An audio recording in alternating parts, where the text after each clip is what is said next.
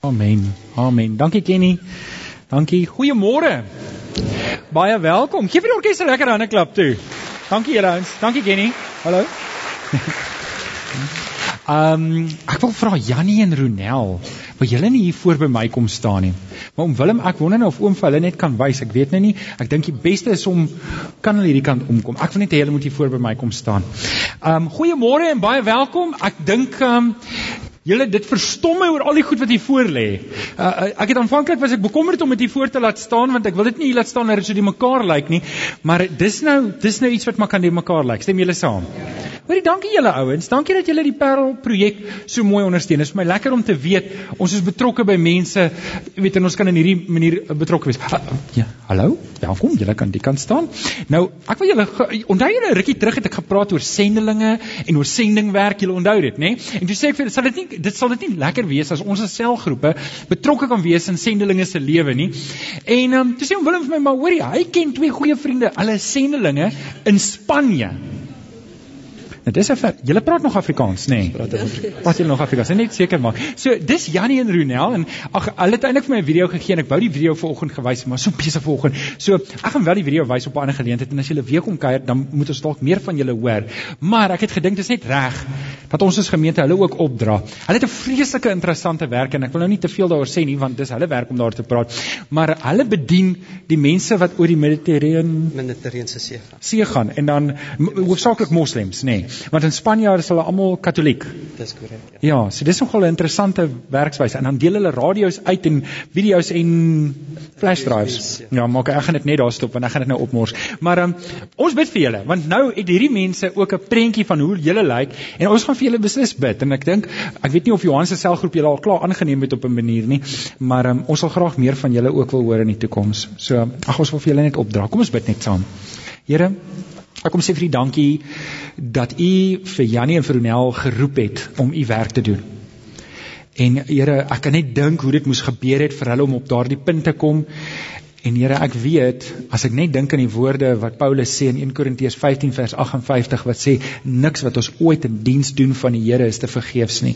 En Here, ek wil vra dat U vir hulle bemoedig deur die Gees dat hulle altyd bewus sal wees dat selfs die stories wat hulle vertel dat selfs een persoon wat hom na Christus toe bekeer, is die moeite werd. Dankie daarvoor. Ons vra dat U vir hulle sal seën. Ons bid dit in Jesus naam. En kinders van die Here sê Amen. Amen. Janie, welkom. Is lekker om julle vanoggend hier by ons te hê en saam te kuier. Ek sal probeer om my vanoggend te gedra. Maar ek beloof niks nie. Kom ons staan. Kom ons staan en hou ons ons Bybels lekker hoog in die lug en dan praat ons lekker hard saam. Staan saam met my op. Hou jou Bybel lekker hoog in die lug en sê lekker hard saam met my. Dit is my Bybel. Ek is wat dit sê ek is. Ek het wat dit sê ek het. Ek kan doen wat dit sê ek kan doen. Met my mond bely ek met my hart glo ek dat Jesus die Here is. Amen. Amen. Baie dankie. Jy kan vanoggend jou Bybel oopmaak by twee plekke. Jy kan dit oopmaak by Jakobus 4. Ons gaan 'n paar verse lees vanaf vers 13 tot 17 en ons gaan saam lees vanaf Matteus in Matteus 26 vers 36 tot 42. En vriende, ek ek wil net gou hê julle moet verstaan hoe werk my preekvoorbereiding. Ek probeer altyd my raamwerke min of meer 'n bietjie voor die tyd voorberei en dan wanneer ek my preek voorberei, dan verander ek alles. So jy gaan van tyd tot tyd sien die verse wat op jou raamwerk is is nie nie van toepassing nie. Jy moet dit ook gaan lees. Beskou dit soos iets soos huiswerk. Ek hoop jy hou van 'n kerk waar jy huiswerk kry, want hierdie is so kerk. OK? Maar terwyl ek voorberei, dan dan verander ek van die goed, want jy's mos nou daar en die Here werk met jou en die Heilige Gees is besig met jou. So is dit OK met julle as die raamwerk nie altyd presies is soos wat die preek is nie. Ek kyk net of jy wakker is. OK. So jy kan jou Bybel oopmaak by Matteus 26. Ag Matteus, ja, Matteus 26 36 tot 42 en Jakobus 4 vers 13 tot 17. Voor ons saam bid wil ek dalk net weer 'n commercial break vat hierso. En ehm um, ek het 'n groot verrassing vir die Kersangdiens. Kom ons bid saam. So dis al wat ek kan sê. Ek het 'n groot verrassing vir die Kersangdiens. En ons net twee mense in hierdie hele kerk wat daarvan weet. En dis ek en nog iemand. Niemand anders weet daarvan nie. Nee, Alex weet ook nie. maar as hy as hy genoeg chocolates kry, kan hy iets opmaak. OK. Terwyl die woord oop is, kom ons bid saam. Vader, ons kom dankie in die wonderlike wonderlike naam van ons Here Jesus Christus dat ons hier bymekaar kan kom as die gemeente, as die liggaam van Christus, as die bruid. Here, en terwyl ons saam is en die woord is oop, wil ons kom pleit Here dat U deur die Gees, deur die Heilige Gees in elkeen van ons harte sal werk, veral met vanoggend se boodskap. Here, dat ons 'n diepe bewussyn sal hê van die woord en die dinge waarop dit werklik neerkom kom breek die woord self deur die gees oop in ons harte en kom praat met elkeen van ons. Asseblief Here ons bid dit in Jesus naam. Amen Vir die van julle wat dit gemis het, ons is in die middel van ons reeks wat 'n uh, 'n basiese hoe om te lewe reeks is. Die Here het vir ons 80 jaar, 85 jaar, party van ons gaan minder hê, party van ons gaan meer hê, het die Here vir ons geskenk hier op aarde en en hierdie is 'n geskenk uit die hand van die Here. En ons het met daai versie in Petrus met mekaar gedeel in 1 Petrus 3 vers 10 wat Petrus sê, daar staan geskrywe en haal uit die Psalm uit, Psalms uit wat sê as iemand die lewe liefhet, en 'n lang lewe begeer om die goeie te geniet, moet hy. En dan gee hy praktiese raad van hoe behoort 'n kind van die Here te lewe. Maar wat vir my mooi is, is dat ons mag hou van die geskenk wat die Here vir ons gegee het. Partykeer kry ek idee Christene leef met hierdie idee van hoe ons mag niks ons moet swaarmoedig wees in hierdie lewe en hierdie lewe mag ons jy mag dans jy mag dit net nie geniet nie. En ek sê nou niks oor dans nie, ek bedoel maar net dis 'n ingesteldheid om te sê hierdie lewe is bedoel om verafskiet te word en en ek dink nie heeltemal dis so nie. Die Here het vir ons 80 jaar hier gegee. Hy het ons gemaak, hy het ons hier geplaas. So uit die aard van die saak is dit sy wil dat ons hier moet wees. En en Petrus onderstreep die gedagte dat ons mag die lewe lief hê binne die raamwerk van die skrif. Ons mag die goeie wil geniet binne die raamwerk van die skrif. En dis waaroor hierdie reeks gaan oor wat is die dinge wat ons moet doen om hierdie 85 jaar wat die Here vir ons gegee het, het sy dit minder of meer is kan ek nou nie vir jou sê nie, maar vir my ook nie, maar ons is hier en ons moet die beste maak van hierdie tyd. En dis waar die reeks eintlik gaan.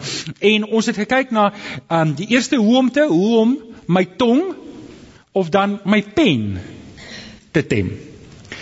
En waarop dit neergekom het, is iets soos 'n kind van die Here, iemand wat die Here Jesus Christus aangeneem het as verlosser, praat nie meer soos wat hy gepraat het vroeër nie. Hy hy dink ook nie meer soos wat hy vroeër gedink het nie. Dinge het verander, sy hart is anders en daarom is ek altyd so verras as kinders van die Here pitsig is en bytsig is. Dis hoekom dit vir my altyd 'n verrassing is as kinders van die Here skinder. Dit hoort nie by kinders van die Here nie. Dit hoort glad nie by ons nie. Daai goed, ons behoort net te praat wat goed en opbouend is na die eis van omstandighede. Here. En dis iets waarop ons onsself moet dissiplineer. Dit het ons mekaar gesê hoe om die beste te maak van my werk. Dit was dalk 'n moeiliker een om oor te praat, maar om te sê, luister, ek gaan 45 jaar werk. Dis net mooi dubbel 2 lewensjaar tronkstraf. Die van julle wat ek ek moenie vir my vrou weet ek dit nie, is maar net ek weet dit maar net. Um en Ek moet die beste maak van my werksituasie. En almal van ons wat hier sit, die Here het ons gemaak om te werk en die Here wil hê jy moet jou werk doen. Ons wat kinders van die Here is, ons wat die Here Jesus aangeneem het, het 'n nuwe werksetiek. Ons het 'n nuwe werksfilosofie. Nou as jy enige van hierdie boodskappe gemis het, dan wil ek jou vra om dit op die internet te gaan luister, is reeds daar. Um nou, Ons kom vanoggend by 'n baie belangrike boodskap. Ek dink ek het al 2 of 3 keer in die afgelope 10 jaar daar gepraat, maar ek dink dis belangrik genoeg dat ons weer daaroor moet praat. En hoekom hierdie vir my so belangrike boodskap is, is omdat dit iets is waarmee ek self ook al baie gewroeg het in my lewe. En en dit gaan oor hoe om die wil van die Here te ken en te leef. En julle, wanneer jy met mense praat, dan kom daar baie keer erg, erg vreemde goed uit.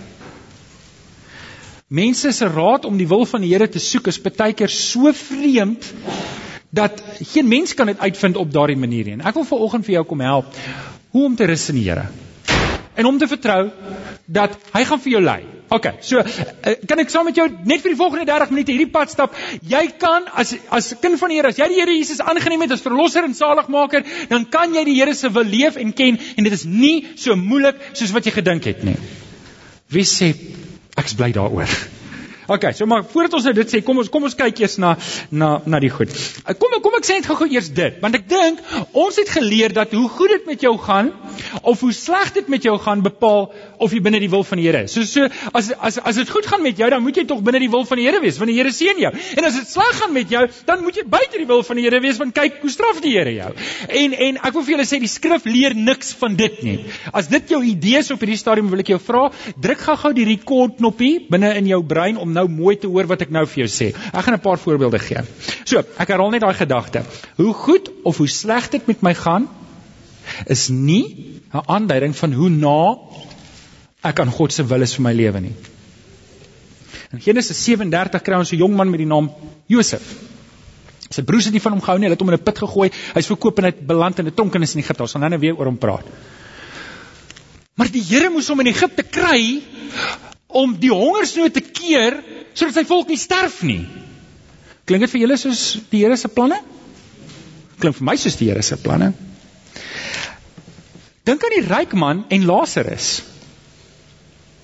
Die ryk man, Jesus vertel die verhaal van die ryk man en hy eindig in die hel en die arme man beland in die hemel. So hoe goed, en nou wil ek ook nou nie hê jy moet anders omdink om te dink o, so dit moet sleg gaan met my om binne die wil van die Here te wees. So met wie gaan dit regtig sleg? Want julle is almal binne nee, dis nie presies wat ek nou probeer sê nie. Want daar was mense met wie dit goed gegaan het. Want dit het sleg gegaan met Job, maar dit het ook goed gegaan met Job. Dit het sleg gegaan met Dawid, dit het ook goed gegaan met Dawid.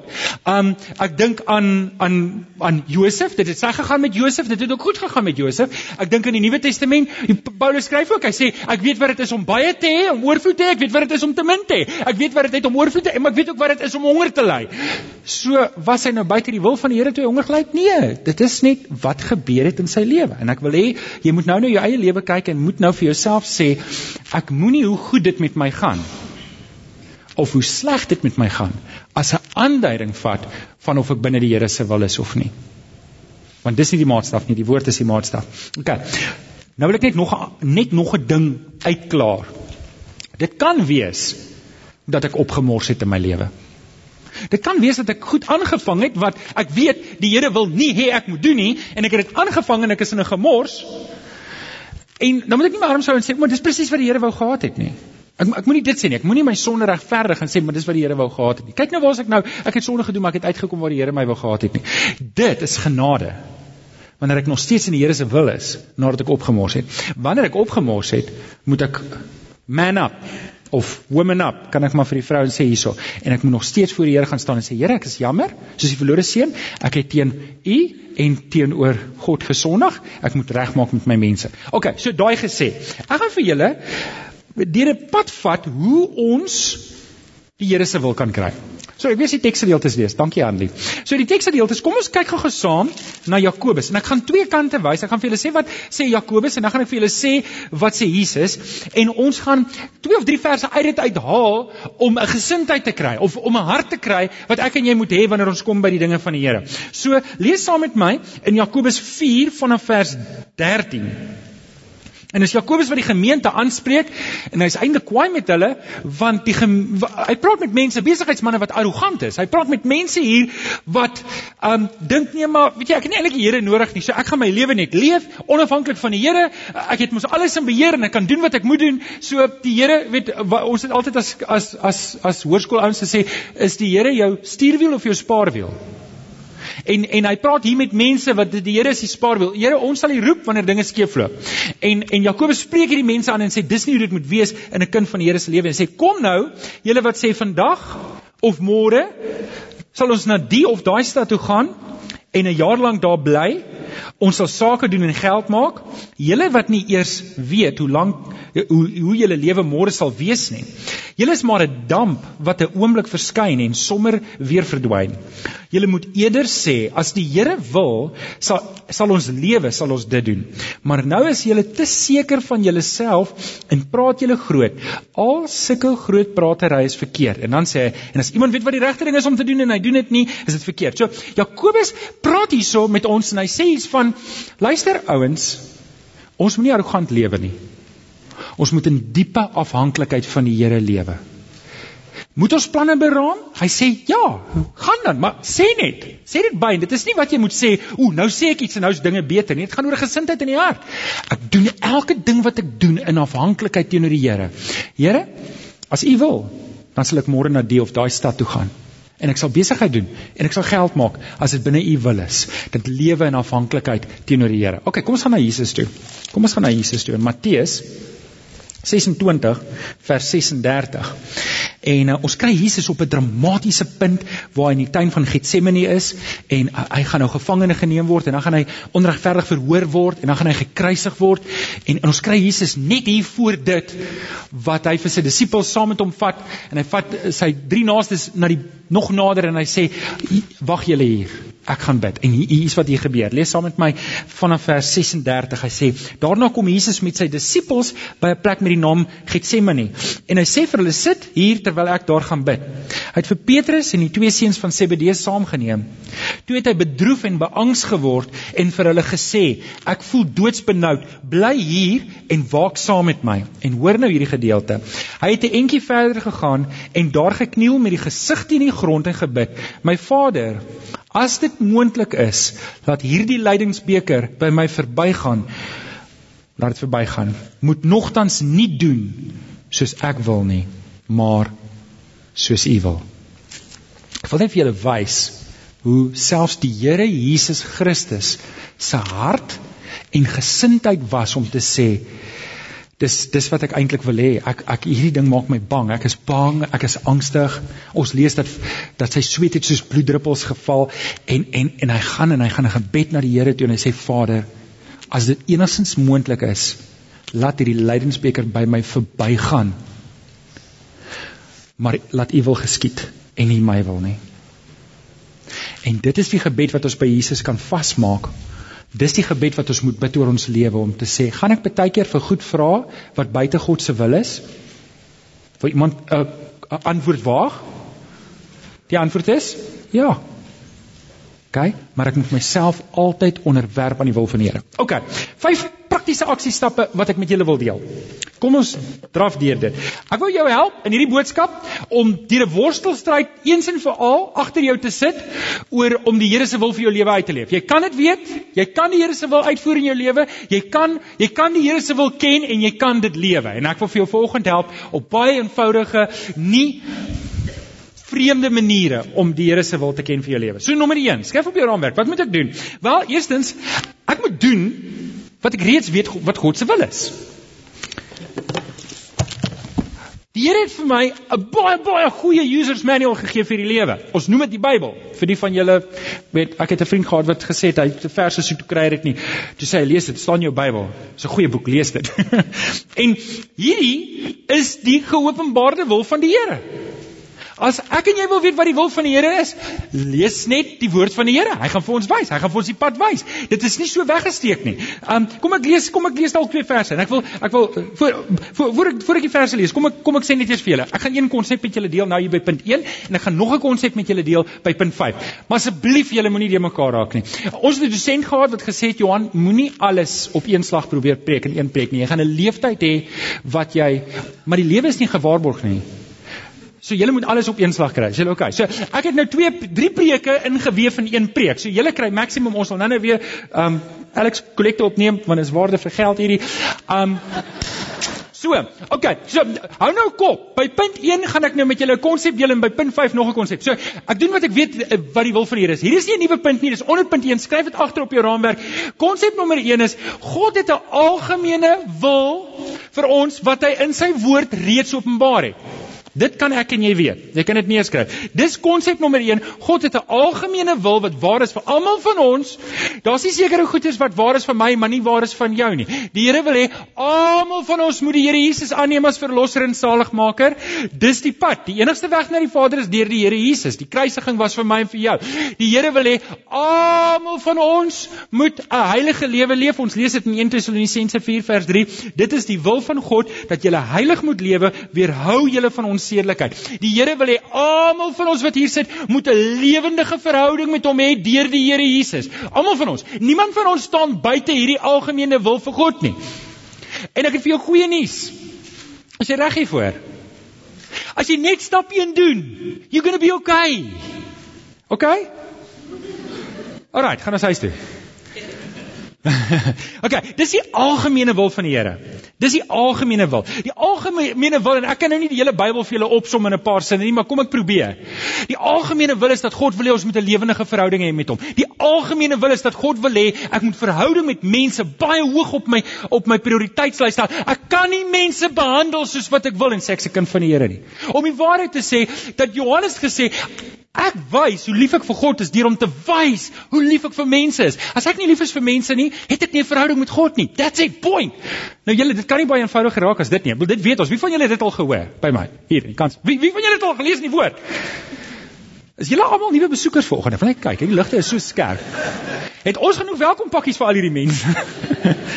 okay, so ons moet en hoe doen ons dit? Wel ons doen dit deur gebed en deur Bybelstudie, intense Bybelstudie. Ons kom by die Here uit, ons kom by die gemeente uit. Dis die geopenbare algemene wil van die Here wat van toepassing op ons almal. En as jy dit doen, dan is jy waarskynlik klaar binne die wil van die Here. Dis my en jou verantwoordelikheid. Dis wat ek en jy moet jaag. Ek en jy moet jaag om gehoorsaam te wees aan die woord en om 'n verhouding te bou met God, verhouding te bou met ons mense. Hoe doen ek dit? Wel, ek soek die Here deur gebed, ek doen Bybelstudie, ek kom by 'n gemeente waar ek goed kan inskakel en ek leef my geloof uit vir die Here. As jy dit doen, is jy klaar daai. Maar, daar's nog 'n paar stappe want ek het nog minute oor. Nommer 2. So aksiestap nommer 1 is ek doen wat ek weet God se wil is. Dis die geopenbare. So okay, onthou nou ek het konsep nommer 1 gedeel. Ek gaan konsep nommer 2 eers nou-nou deel want hy's 'n belangrike een om ook van kennis te neem. Aksiestap nommer 2 is ek gebruik my gesonde verstand. Weet, dis baie goed wat die Bybel sê ons moet doen. Maar die Bybel sê nie vir jou jy mag nie in 'n piramideskema belê nie. Jy gaan nie so vers kry nie. Jy gaan nie 'n vers skryf wat sê, "Jong, Daai skema lyk maar nie vir my reg nie. Jy gaan nie 'n vers skryf wat sê jy mag nie rook nie. OK? En as jy nou rook, weet, rook sal niemand hel toe vat nie. Ryk net of jy daarvan af kom, maar Maar sorry julle, ek moes dit inwerk daar.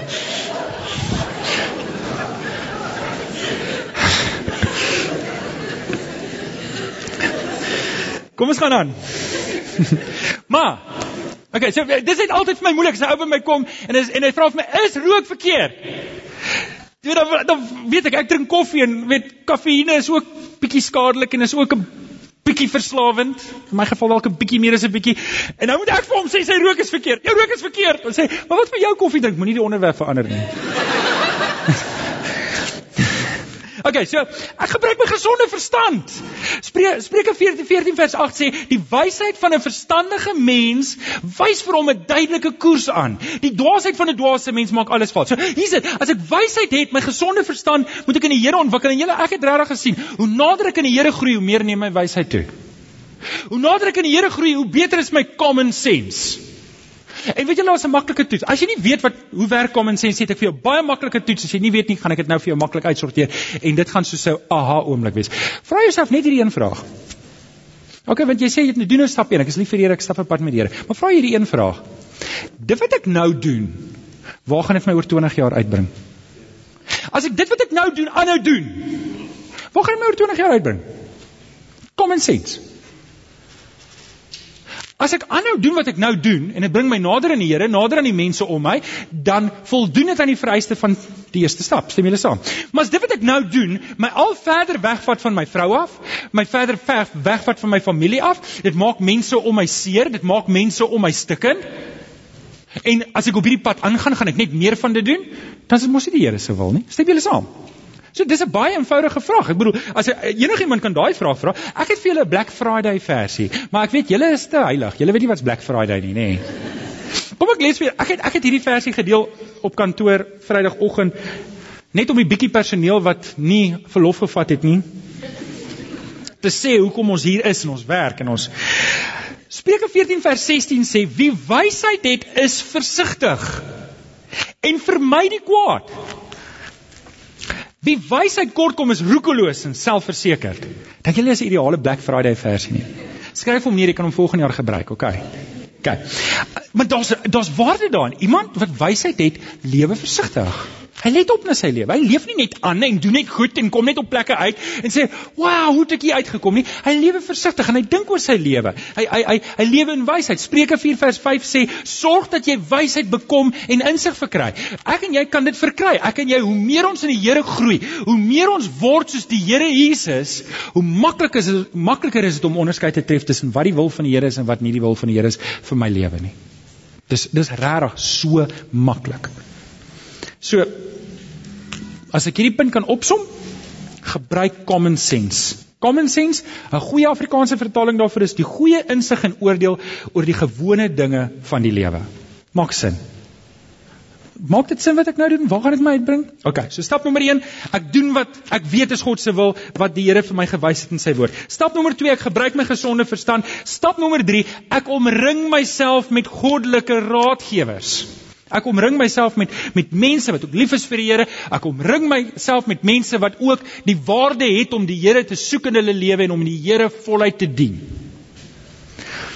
Spreuke 13 vers 20 sê: Wie met wyse mense omgaan, kry self wysheid. Wie om met dwaase mense ophou, word self sleg. En dit is wat ons in Afrikaans vir mekaar sê, soort soek soort. Ek moet seker maak die soort wat om my is, is die soort wat my nader gaan bring in die Here. Ek dink daar's 'n mooier Afrikaanse gesegde, ek weet nie of dit amptelik is nie, maar ek word meer en meer soos die mense waarmee ek tyd spandeer. Ek word meer en meer soos die mense waarmee ek baie tyd spandeer. Die mense wie ek kies my geselskap moet wees, hulle waardes en normes kom op my. As hulle roekeloos is, raai wat gaan ek geneig wees om te doen? As hulle allerlei goeders aanvang in die lewe en jy kan jouself inkleer, dan gaan ek geneig wees om te dink maar dit is oukei. Okay. Vir alles ek hulle vriendskap wil hê. Nou julle, dit beteken nie ons moet nie vriendskappe hê in die wêreld nie. Ons moet vriendskappe hê in die wêreld. Maar hier is die ding wat 'n reël is waarby ek lewe. Ek is almal se vriende maar ek laat nie almal invloed hê op my lewe nie. Ek is vriende met almal. Maar die ouens wat 'n invloed met op my lewe het, moet my nader bring aan die Here. Met ander woorde, jy kan nie help om te werk met die mense saam met wie jy werk nie, maar jy kan help of hulle invloed op jou lewe gaan hê. En ek kies om myself te omring met mense wat lief is vir die Here. Dis hoekom ek 'n predikant geword het. Dis hoekom ek van julle hou. julle is my vriende. Um so, maar dis 'n belangrike ding. Okay, so dis dit dit was nou julle kan nou hoor ek sal besig met twee preke. Kan ek 'n derde preek ingooi of is, gaan julle berings uitval? Is hulle reg vir 'n derde preek? OK, so onder hierdie punt is daar 'n belangrike preek. So kom ons verbeel jouself vir 'n oomblik ek gee julle nou 'n mini preek. My hoofopskrif is ek om ring myself met goeie goddelike raadgewers. En dit bring my by 'n belangrike punt wat ons al baie oor gepraat het, maar ek moet dit weer hier noem is mentorskap. En jy kry twee tipes mentorskap. Kom ons kyk net na die een. Julle moet nou asseblief kop hou, hoor. As jy wil, vul vir my 'n kaartjie en kom kuier by die huis en ek verduidelik vir julle mooi. Eerste een is gestruktureerde mentorskap. Nou, almal van julle wat werk is iewers wat hulle noem on-job training. Jy gaan klas toe, hulle leer vir jou, hulle studeer vir 'n kursus, jy het universiteit toe gegaan, jy het 'n graad gedoen, maar jy moes gewerk het vir, ek weet nie, Rolf, hoe lank moes jy gewerk het vir jou Zuma jaar? Was dit 2 jaar? Was dit net 1 jaar? Was dit 1 jaar. Okay. So jy moes gewerk het vir iemand anders. As jy in die onderwys dieselfde ding, as jy 'n uh, motor motorwerktuigkundige is, niemand los jou net vry en sê, "Das hy, daar's 'n stuk in 'n kar gemaak om reg nie." Wow, okay, hier's 'n weet jy wat spanner ja. En ek gaan nou niemand doen dit nie. Jy moet opleiding kry. En en in die sekulêre wêreld wel dis me, mentorskap en nou in in die kerkwêreld is dit disipelskap disipelskap is eintlik geestelike mentorskap. So maar ons het dit ook gestruktureer en dis waarvoor ons 101 en 201 en 301 en 401 wat een van die dae gaan klaar wees. Nee Alex Daar is, dis gestruktureerde mentorskap. Ons probeer goed in plek sit in ons gemeente om jou te mentor. En as jy vir Alex vra, Alex, hoe kan ek gementor word? Sê Alex vir jou sê, ek soek jou 6 uur in die oggend hierso. Want mentorskap vind nie plaas deur 2 of 3 sessies nie. Dit vind plaas oor 'n lang tydperk. En gestruktureerde mentorskap is wanneer ek myself doelbewus onderwerp aan mense wat in my lewe in kan werk. Maar dit bring ons by die volgende een en dit is ongestruktureerde mentorskap. En ongestruktureerde mentorskap is dit wat gebeur wanneer ek vriende het wat ek toelaat om invloed in my lewe te hê. Wanneer ek toelaat dat iemand vir my goed sê wat baie keer seer maak, maar wat ek nodig het om te hoor. Wanneer ek vir iemand kan sê, luister, luister vriend, daai ding wat jy nou doen, daai pad is nie regte pad nie, dit gaan vir jou skade lei. Ek het sulke mense in my lewe. Elkeen van ons het sulke mense nodig in ons lewens. Weet julle, ek wil vir julle vertel hoe vinnig mors 'n ou op. En eintlik was hierdie storie by die eerste punt, maar ek bring hom nou hier in. Um 'n oom in ons gemeente was kerk was 2 jaar oud, bel vir my en hy sê hy het 'n ou by hom wat hy 'n pad mee stap en hierdie ou wil hê ek moet 'n bietjie met hom kom praat want hy sukkel om die Here se wil te ken in sy lewe. En um weet ek ek ken die goed. Ek kan dit vir hom verduidelik en ek gaan sit by hom en hy maar hy het my uitgebul. Hy sal kan cricket gaan speel want die ou was goed daarmee, hoor. Hy het my uitgebul. Ek sit daar so by hom en hy sê vir my Johan, ek was um, vir 15 jaar getroud met my vrou en toe sê die Here vir my ek moet hierdie vrou los. Ek sê, "Oké, okay, vertel my meer." Hy sê, "Ja, en die Here het toe vir my gewys ek moet by daai persoon gaan intrek, by daai vrou." Maar maar dis nog nie waar hom plan nie. Hy sê, "Ja, baie tevrede met dit. Hy het toe by die vrou ingetrek en hy bly toe saam met die vrou." Hy sê, "Maar nou het ek 'n probleem. Ek dink die Here is nou besig om vir my te wys ek's nou klaar met hierdie vrou. Ek moet nou by daai vrou gaan intrek." Julle, ek is nie 'n persoon wat my uitgee aan geweld nie. Maar daai dag was amper. En en weet jy wat nê? Nee? En weet wat dat jy nie in so 'n verhouding gestruktureerde en ongestruktureerde mentorskap is nie. Dan gaan jy baie keer van die goed skeef kry. Maar ek wil hierdie ou het heeltemal skeef gekry. Hy het al van stap 1 af dit opgemors. Um maar maar dit wys net ook weer eens dat ons het mense nodig om te sê, "Wow, jy's op die verkeerde pad." En baie keer sê hulle dit nie so reguit nie. Baie keer tel ek dit net op om te sê, "Oké, okay, ek verstaan. Hierdie ding is verkeerd." En dis hoekom ons moet oplet na dit. Weereens, as wees met almal vriende. Wees met almal vriendelik. Maar in die Here handpik die mense wat 'n invloed het op jou lewe. En maak seker dat daai manne en vroue is die mense wat jou nader kry aan die Here Jesus. Maak seker dat daai manne en vroue is die manne en vroue wat jou gaan uitdaag om nog 'n beter verhouding te bou met die Here. Amen. Amen. OK. Punt nommer volgende. So aksiestap nommer 1. Ek doen wat ek weet God se wil is. Aksiestap nommer 2. Ek gebruik my gesonde verstand. Aksiestap nommer 3, ek omring my met goddelike raadgewers en aksiestap nommer 4, ek vertrou die Here se plan vir my lewe. Nou nommer 4 en 5 gaan baie naby aan mekaar, maar um, hou net eers van 5 is, is spesiaal, ek gaan hom een kant hou. So Spreuke 16 vers 9 sê, 'n mens beplan sy pad, maar die Here bepaal hoe hy loop. Nou Salomo sê nie vir sy seun jy moenie beplan nie. Hy sê net vir hom, seun luister, 'n mens beplan wat hy doen, maar die Here die laaste sê. As die Here besluit ek kan nie 'n pad stap nie, kan ek hom nie stap nie. Punt.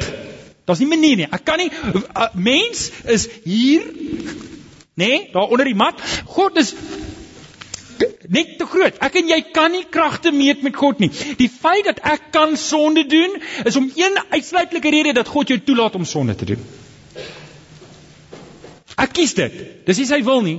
Hy laat my net toe om dit te doen. Dis nie omdat ek sterker as God is. Ek gaan die Here nou wys ek gaan sonde doen nie. Die enigste rede hoekom ek kan sonde doen is omdat hy my 'n vrye wil gegee het. Daar daar's geen manier hoe ek God kan uitdaag en kragte kan meet nie.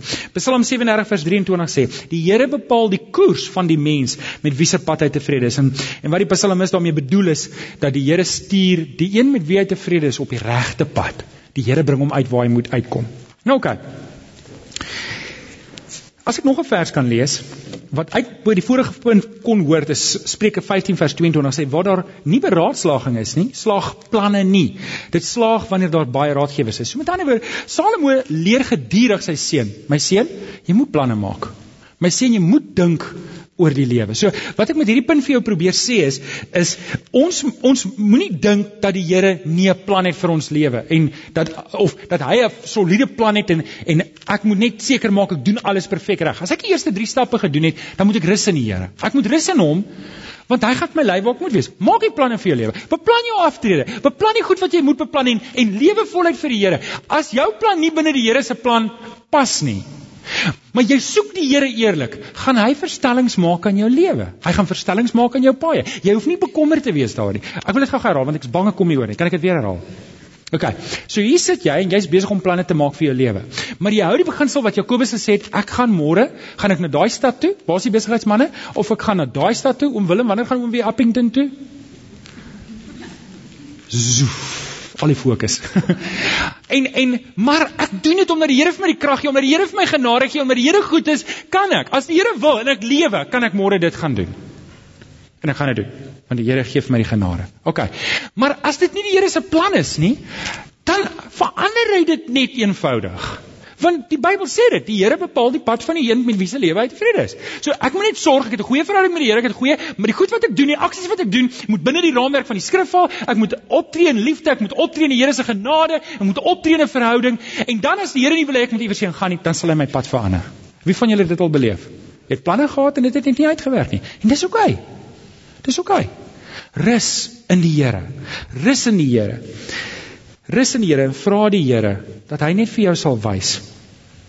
Ek hou van Spreuke 4 en julle as jy tyd het gaan lees Spreuke 4. Salomo gee vir sy seun raad. Hy sê vir sy seun, hy sê vir hom hierdie belangrike woord. En ek, en ek vertaal dit nou heeltemal vry. Hy sê vir hom: Maak seker van die pad wat jy moet stap. Stel vir jou bakens langs die pad op en hou jou oë op die pad vorentoe. Moenie links of regs daarvan afwyk nie, want so sal jy seker wees van elke tree. Klink dit vir julle soos beplanning? Klink vir my soos beplanning. OK. So die Here wil hê ons moet beplan, maar ons moet ook rus in hom. Ek lewe met 'n gesindheid dis die Here se wil. As sy wil is, dan sal dit uitwerk. As dit nie sy wil is nie, werk dit nie uit nie en ek is okay daarmee. Rus in die Here. Alraai. Nommer 5. So, ek pas dit vir julle in mekaar en sien julle die puzzle stukkies. Ek wil net seker maak. Partykeer dan is 'n ding in jou kop baie goed uitmekaar gesit.